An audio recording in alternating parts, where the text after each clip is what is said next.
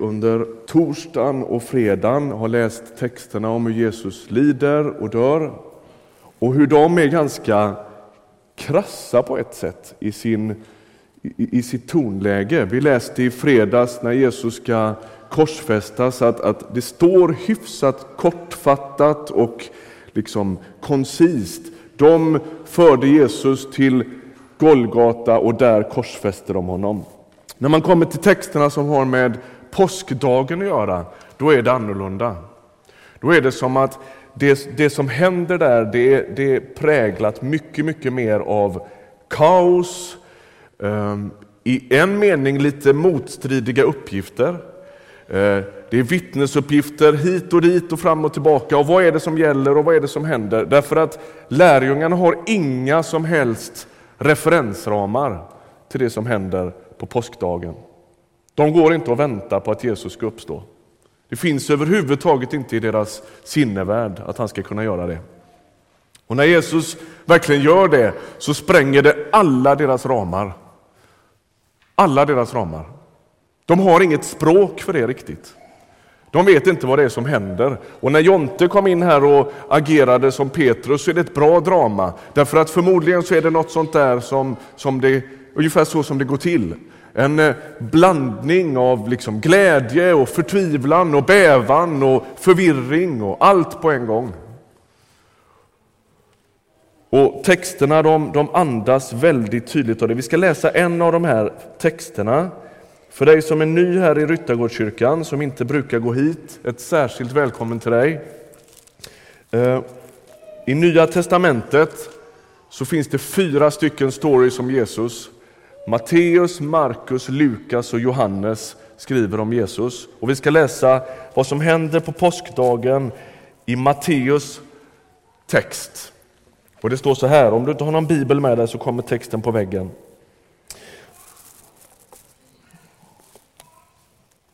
Bakgrunden som ni förstår den är, precis som Elinor inledde med idag, att Jesus har förråtts, han har lämnats till judiska rådet, han har dömts till döden, avrättats på det mest fruktansvärda och brutala sätt på ett kors och lagts i en grav. Och då kommer vi in i berättelsen. Efter sabbaten, i gryningen den första veckodagen, kom Maria från Magdala och den andra Maria för att se på graven. Då blev det ett kraftigt jordskalv Ty Herrens ängel steg ner från himlen och kom och rullade undan stenen och satte sig på den. Hans utseende var som blixten och hans kläder vita som snö. Vakterna skakade av skräck för honom och blev liggande som döda. Men ängeln sa till kvinnorna, var inte rädda. Jag vet att ni söker efter Jesus som blev korsfäst. Han är inte här. Han har uppstått så som han sa. Kom och se var han låg. Skynda er sedan till hans lärjungar och säg till dem, han har uppstått från de döda och nu går han före er till Galileen. Där ska ni få se honom, nu har jag sagt er detta. De lämnade genast graven och fyllda av bävan och glädje sprang de för att berätta det för hans lärjungar. Då kom Jesus emot dem och hälsade dem och de gick fram, grep om hans fötter och hyllade honom. Men Jesus sa till dem, var inte rädda. Gå och säg åt mina bröder att bege sig till Galileen. Där ska de få se mig. Jag vet inte om du har tänkt på det någon gång, men graven i Jerusalem, det är den enda plats i hela tillvaron om vilken det står Han är inte här. Och tänk på det någon gång. Gång på gång så står det i Bibeln att Gud finns överallt, att han når överallt, att hans ögon når överallt, att han kan se varenda människa, att han inte glömmer någon, att han till och med har räknat håren på våra huvuden. Oavsett hur långa de är. Så va? Men det märkliga är att när det står om graven så står det Han är inte här. Det är den enda plats i hela universum, i hela tillvaron där han inte är. Och budskapet till de här första rädda, förvirrade lärjungarna, kvinnorna först, som kommer först, det är var inte rädd.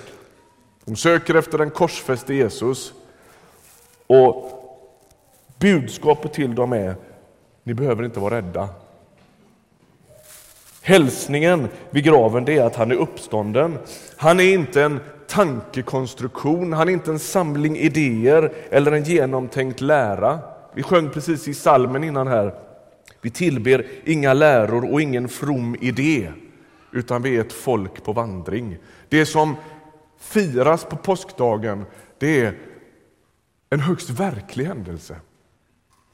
När Jesus lämnar graven så är det på riktigt. Om det inte är på riktigt, då har det absolut inte hänt. Då finns det inte. Och vet du, då finns det ingen kristen tro. Då borde vi packa ihop och gå hem. Då blir det ingen mer sång och ingen mer bön och ingen nattvard idag, om inte graven är tom, om inte Jesus har uppstått. Då skulle vi bygga om det här till något mycket, mycket bättre.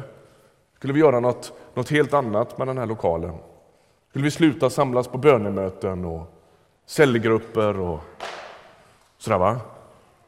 Det finns ingen anledning att bedriva någon mission om inte graven är tom. Men budskapet till de här rädda, förtvivlade, förvirrade lärjungarna det är var inte rädd, det har verkligen hänt. Det är på riktigt. Det sprids snabbt ett rykte i Jerusalem om att lärjungarna skulle ha stulit kroppen och gömt undan den. Och Det där kan man stöta på än idag. Nej, men vadå, det där det var ju liksom bara en sorts eh, efterkonstruktion för att liksom få en fin knorr på historien om Jesus. Men frågan är vad lärjungarna skulle ha vunnit på det. Vad skulle de ha vunnit på det? Det finns inga pengar att tjäna på den här historien. Den urkyrkan den består i första hand av fattiga, ganska utblottade människor. Eh, det finns absolut ingen prestige att vinna. Utan de blir ganska föraktade. Det finns ingen makt, inga maktbefogenheter eller ställningar i samhället. Det finns ingen bekvämlighet, utan det det finns för de här lärjungarna som får höra, var inte rädd, graven är tom. Det som väntar dem, det är förföljelse, det är nöd, det är utstötthet och utsatthet. De har inga personliga vinningar egentligen att dra på att dra ihop en sån historia. De blir föraktade av sitt eget folk. Många av dem får plikta med sitt eget liv. Men det är som att lärjungarna är med om något så djupgående, något så fundamentalt i samband med den där graven så att de aldrig mer blir de samma. Petrus som vi mötte här innan, vem är han? Vi vet att det är en, ett brushuvud som tänker talar först och tänker sen, eller hur? Han, han brusar upp och han lovar vitt och brett och han säger det ena och säger det andra. Och ibland blir det rätt och ibland blir det fel. Men det verkar som att Petrus, han liksom, det är en handlingens man. Men vi vet också att det är han som förnekat Jesus inför tjänsteflickorna. Som fegar ur, inte inför en romersk armé, utan inför en tjänsteflicka vid eldstaden där va? och säger jag känner inte Jesus. Vad händer med honom när han möter den uppståndne? Han blir en modig ledare som vågar satsa sitt liv på det han har varit med om. Han som tidigare har varit så kaxig i sina löften för Jesus, han går igenom sitt livs djupaste kris och sen går han stärkt ur den efter mötet med den uppståndne Jesus. Och ungefär 30 år efter Jesu uppståndelse så avrättas Petrus. Han är kyrkans ledare i Rom eh, och han avrättas, han döms till korsfästelse i Rom. Och vi har ingen bibeltext som beskriver det, men vi har gott om andra historieskrifter som säger att med största sannolikhet är det så att Petrus han utbrister, jag är inte värdig att dö på samma sätt som Jesus. Och så ber han att få bli korsfäst upp och ner. Det är det öde som väntar Petrus. Han som hade förnekat Jesus inför tjänsteflickan. Det hände något vid den där graven. med dem som är där. Andreas, Petrus bror, han blir, tror man, predikant i mindre Asien, i Grekland och ända in i nuvarande Ryssland. Så småningom avrättas han på ett så kallat Andreaskors. Det är ett X-format kors. Så dör Andreas som martyr för sin tro. Bartolomeus, som är en av doldisarna i lärjungakretsen, han kallas också för Natanael. Han blir förmodligen missionär i Armenien, tror man. Han dör som martyr och blir flodd till döds. Men det är som att uppståndelsen, den tomma graven, den gör något så fundamentalt med de människor som är med så att den kodar om hela deras värld. Den kodar om hela deras sätt att se på sig själva, se på livet, framförallt se på döden. Och det gör någonting med dem som gör att de här enkla, vanliga, ganska vardagliga människorna, de är så modiga och de är så annorlunda efter detta. Inte ens döden verkar skrämma dem. Ska vi lyssna lite på vad det är de har för budskap? Vad är det de säger efter uppståndelsen? Några jättekorta nedslag bara, lite summariskt. Apostlagärningarnas första kapitel, vers 22. Om du inte hinner med i Bibeln så kommer det på väggen. Därför måste nu någon av... Så här är det, bakgrunden till den här lilla versen, texten, det är att Judas, vet ni, han dör och så ska han ersättas med någon. Och så förs det ett samtal om vem den där ersättaren ska vara. Då står det så här. Därför måste nu någon av dem som var med oss under hela den tid då Herren Jesus kom och gick ibland oss, från det att han döptes av Johannes fram till den dag då han blev upptagen från oss, någon av dem ska vittna tillsammans med oss om hans uppståndelse. Det är liksom hela ärendet.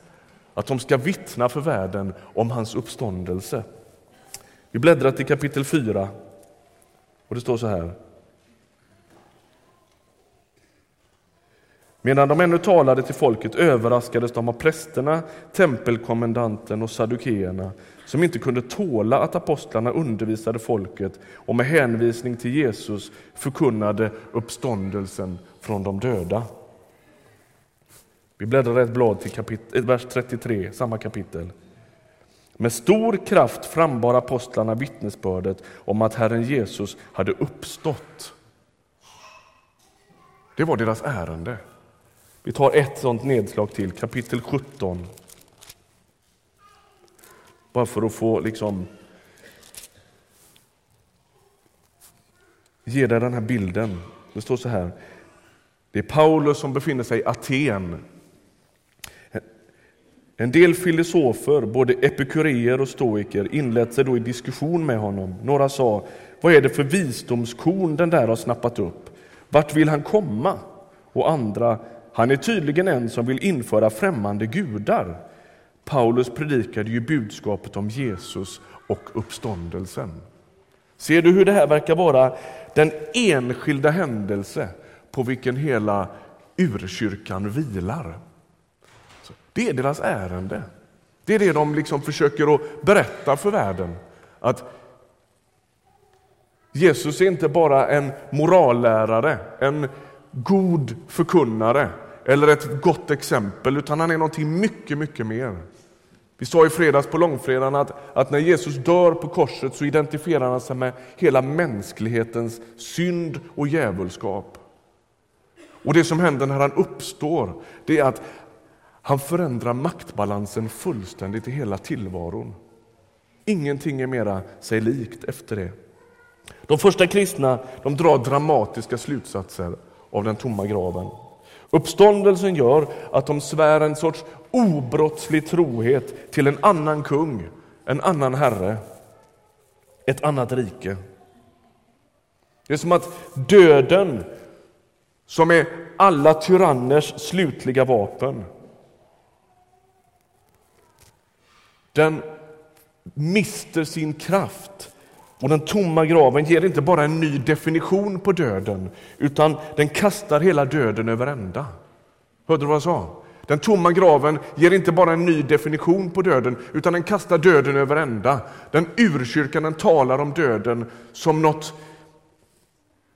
som inte längre är slutgiltigt. Och så ändras maktbalansen i hela tillvaron.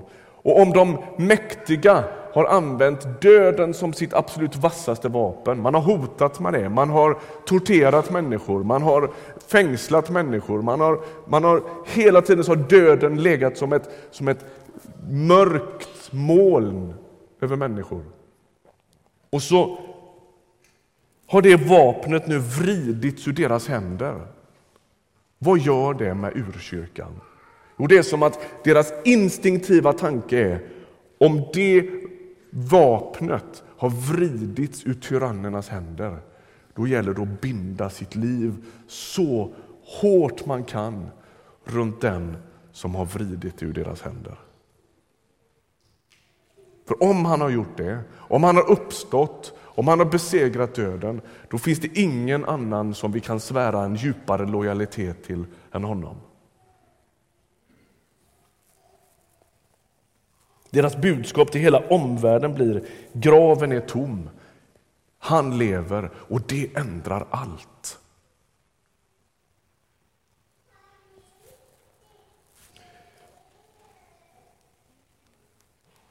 Och det är som att hela Nya testamentet försöker att dra en sorts här, konsekvenser ur Jesu död och uppståndelse. Och hela Nya testamentet i någon mening handlar om vad som, hur blir tillvaron om Jesus har dött och uppstått. Hur blir tillvaron då? Ibland när vi läser Nya testamentet och liksom lägger pannan i djupa veck och tycker att vi väger ord mot varandra och sådär. Va? Det, finns, det finns plats för det, det kan vara nyttigt ibland. Men det vi behöver påminna oss om det är att Nya testamentet det är en kampskrift till människor som frestas att ge upp. Så tänker, är det lönt att tro? Det är ett högt pris att tro.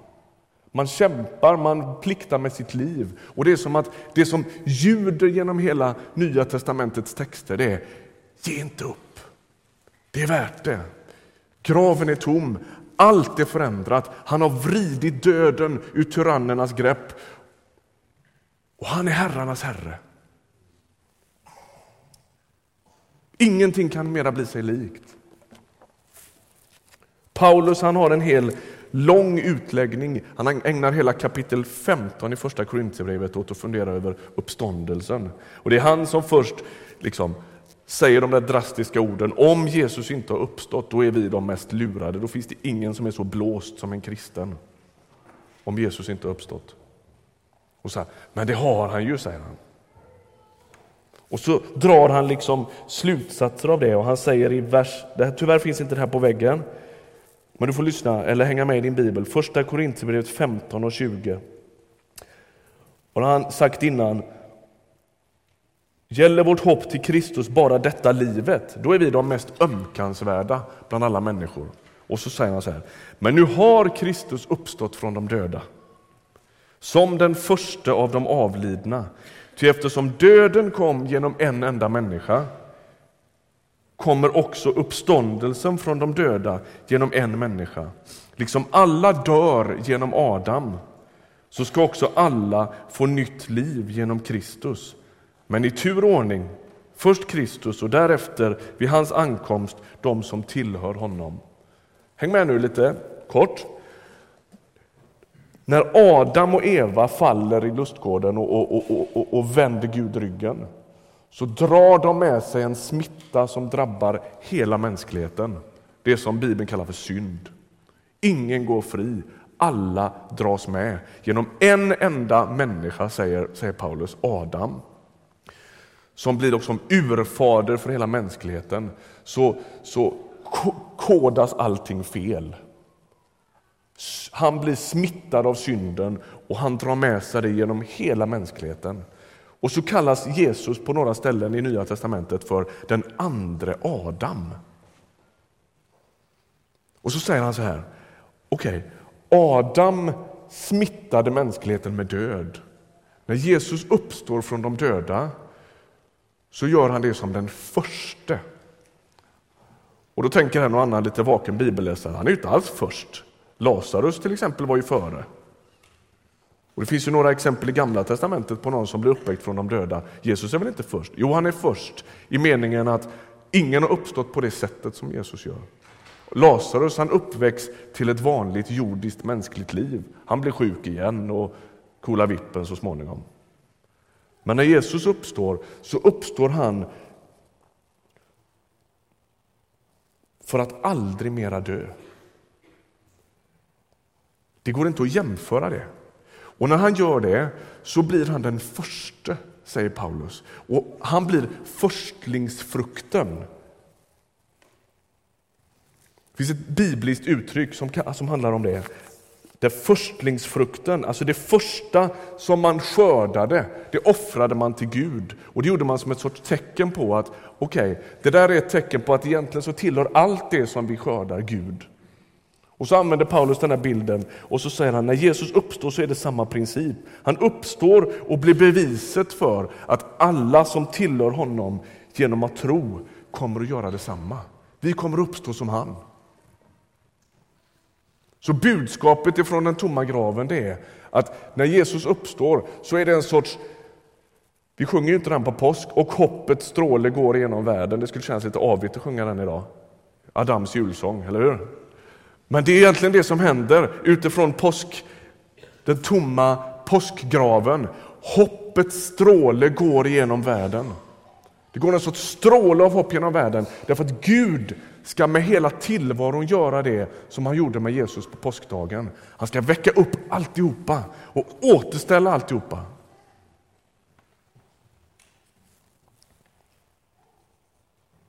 Det är de som tror på det här som kastas till lejonen i Rom.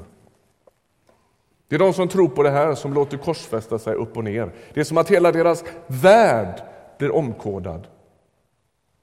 Vad som är viktigt blir omkodat, vad som är oviktigt blir omkodat. Deras syn på sig själva, deras syn på andra människor, hela tillvaron liksom, läses på ett annat sätt utifrån att graven är tom. Så till sist, varför är det värt att fatta mod och stå för sin tro? Där du finns på din arbetsplats, i din, i din vardag. Varför är det värt att göra det? Jo, därför att Jesus har uppstått.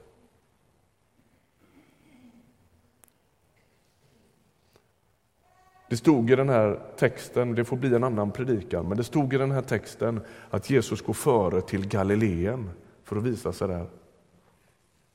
Vad är Galileen för något? Varför går han inte till Aten eller Rom eller Jerusalem, de stora världscentrarna och visa sig där? Varför ska han gå till, till Galileen? Och därför att det är hemma för Petrus och lärjungarna. Det är där de kommer ifrån. Tänk om det är så att det är budskapet in i ditt och mitt liv idag. Gud vill gå till ditt Galileen. Han vill visa sig där.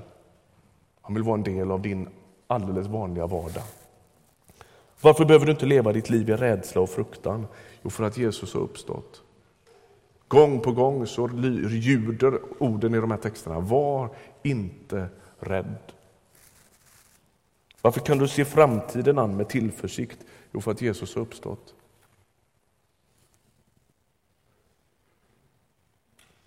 Och faktum är att det är uppståndelsen, den tomma graven på påskdagsmorgonen som gör att vi överhuvudtaget firar gudstjänst. Det är det som har burit kristna genom alla tider. Och det är det som kan bära dig också. Därför att det är så här, låt mig få sluta med det. Det går inte att övervinna ett folk som tror att döden är besegrad. Amen. Ska vi be? Herre, tack för att du är här i Ryttargårdskyrkan. Tack att du ser varenda människa som sitter i bänkarna.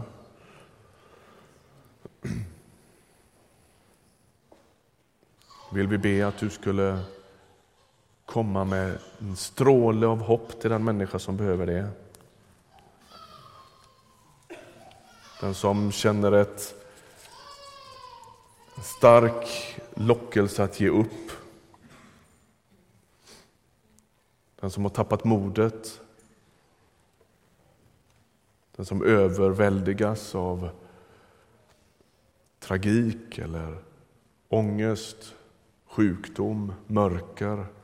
Herre, vi ber att den tomma graven skulle få att skulle få bli som en stråle av hopp rakt in i den människa som bäst behöver det.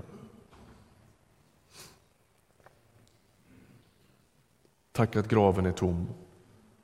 Tack att vi får tillhöra dig. Amen.